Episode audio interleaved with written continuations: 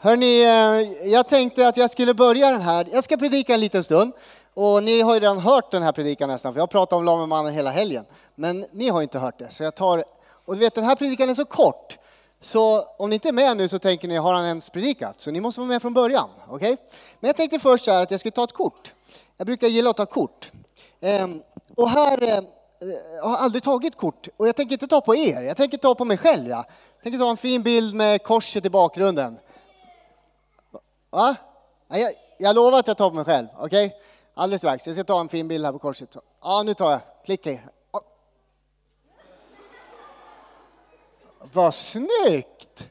Det här måste jag skicka till alla mina, mina, jag har ju inte Snapchat, men alla mina Instagram då. Jag måste lägga ut det här. Eller vi tar en annan bild förresten. Jag, jag gillar andra bilder. Vi, vi kan göra något roligt. Jag brukar, jag tänkte en gång att jag skulle sätta den i näsan. Det kanske är en rolig bild kan jag lägga ut på Instagram, eller hur? Sätta micken i näsan. Har ni provat det? Ja, sådär. Nu ska vi se om vi får dit den i näsan. Åh, snyggt. Så, åh. Oj! Där kom klick! Nu kommer den. Aj, den. Åh! Den där ska man ju faktiskt lägga ut. Kan vi lägga den på hemsidan, Oskar, eller? Det vore en jättebra bild att ha på hemsidan. Pass där. Nej, det där var inte bra heller. Sen har jag sett så här, jag har sett er ungdomar, hur ni tar. Ni tar ju sådana här bilder.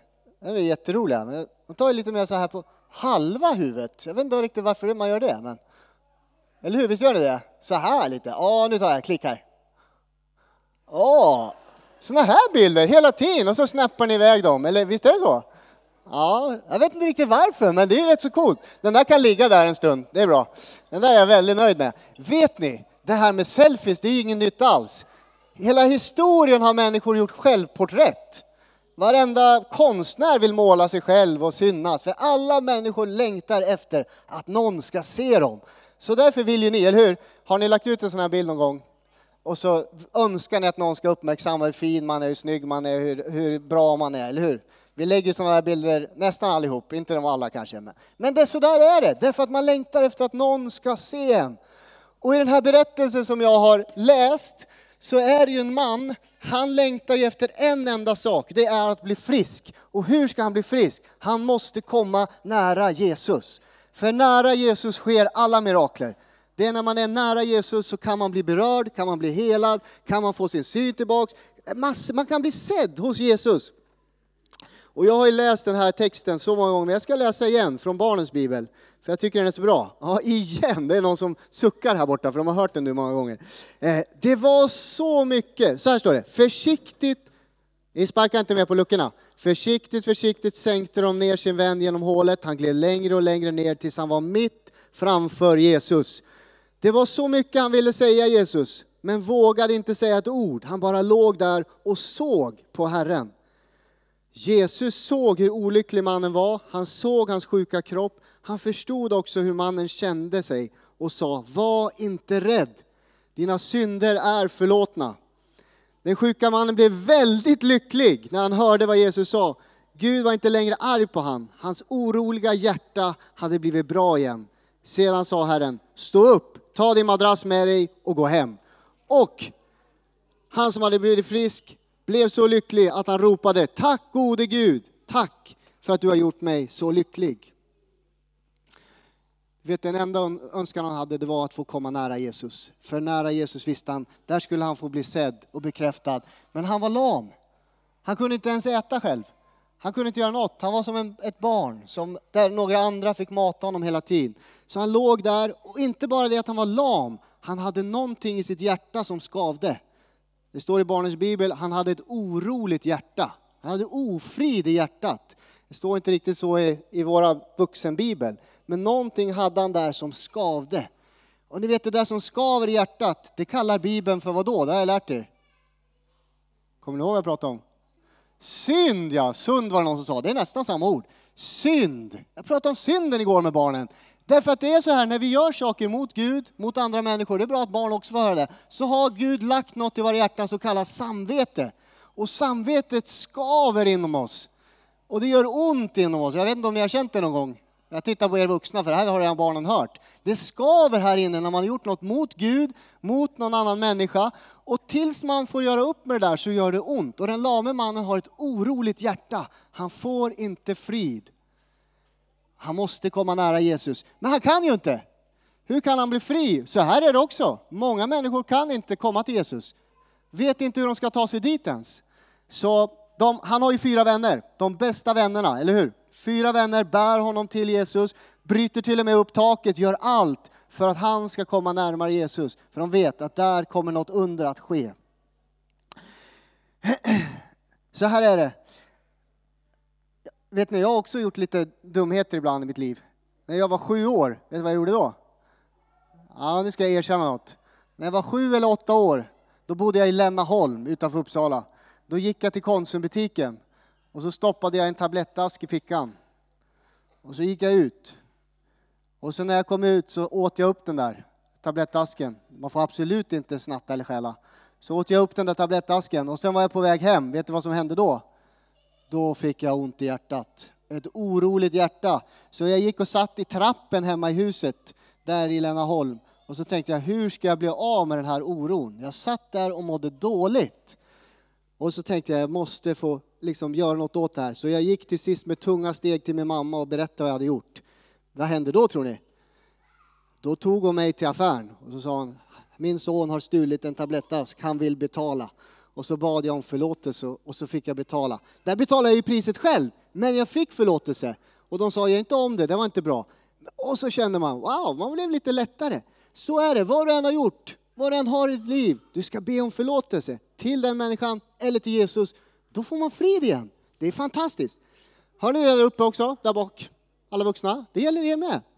Alltså vi går med så mycket skav i hjärtat. Vi har gjort saker mot någon annan och så skaver det i 20 års tid och man blir bitter och besviken och arg och så trasar relationer sönder. Du behöver göra upp med Gud och med andra människor. Det kanske är någon du har och tänker på just nu. Men inte bara det, i texten händer det något mer. Mannen blir helad. Gud har inte bara makt att, att eh, ge honom frid och glädje igen. Han har också makt att få hans muskler att fungera. Gud är Gud som helar oss, som botar oss. Och vi talade om det igår, hur han botar sjuka. Jag sa också att han botar absolut inte alla. Tyvärr är det inte så. Men vi fortsätter be för sjuka. Ni vet när jag, jag var på ett nyårsläger för över 20 år sedan. Då var det en kvinna som hade suttit i rullstol i många år. I rullstol, för hon hade så ont i ryggen. Hon kunde inte gå. Och så rullade hon in i en sån här bönetjänstrum där. De körde in henne där i rummet. Och så var det en kille som hette Gert han bad för henne och läste bibeltexter över henne så här. Och så, han hette Gert ja. Och så bad Gert för, Kimbom hette han. Och så bad Gert Kimbom för den här kvinnan. Sven Örman var där också och bad.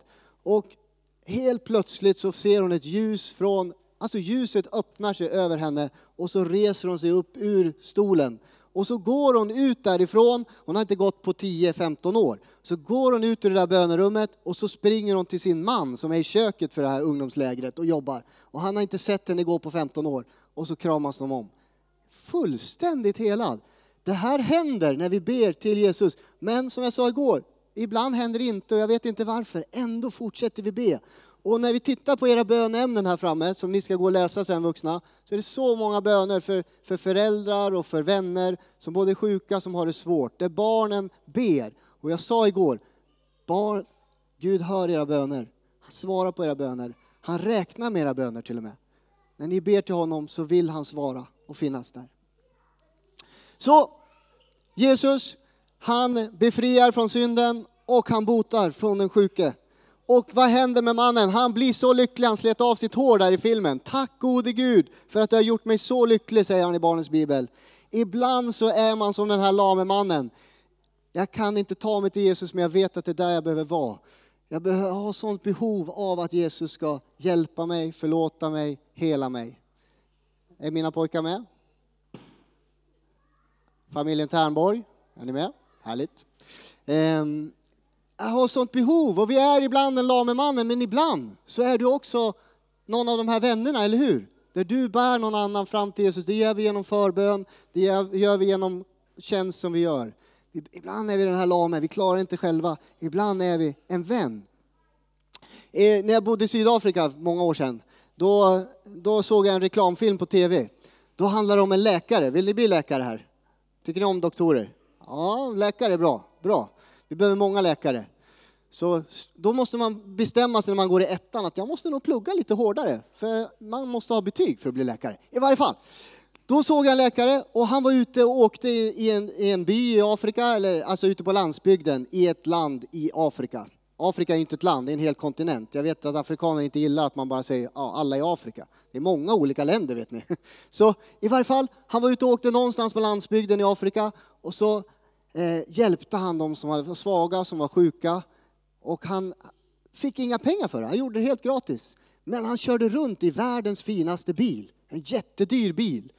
Och eh, så kommer en liten pojke i er ålder fram till den här läkaren och så frågar han, var har du fått den här bilen ifrån? Hur kan du ha så fin bil? Den har jag fått av min bror som är affärsman, sa han. Jaha, säger den lilla pojken, vad fint. Vet du vad jag tänker? Då säger läkaren så här till honom, jag tänker att du vill ha en sån bror som kan ge dig en sån fin bil. Då säger den lilla pojken så här, nej, jag vill vara en sån bror. Jag vill vara en sån bror som kan ge till andra i det här landet. Det är fint. Tänk dig den tanken, att ibland är vi den här som har behov, ibland är vi den här som bär andra. Du behöver inte alltid vara jag, inte alltid selfies, utan vara en riktig vän och ge. Vilja vara den som ger. Har ni det där ute också? Ja. Det var dagens budskap från den här texten.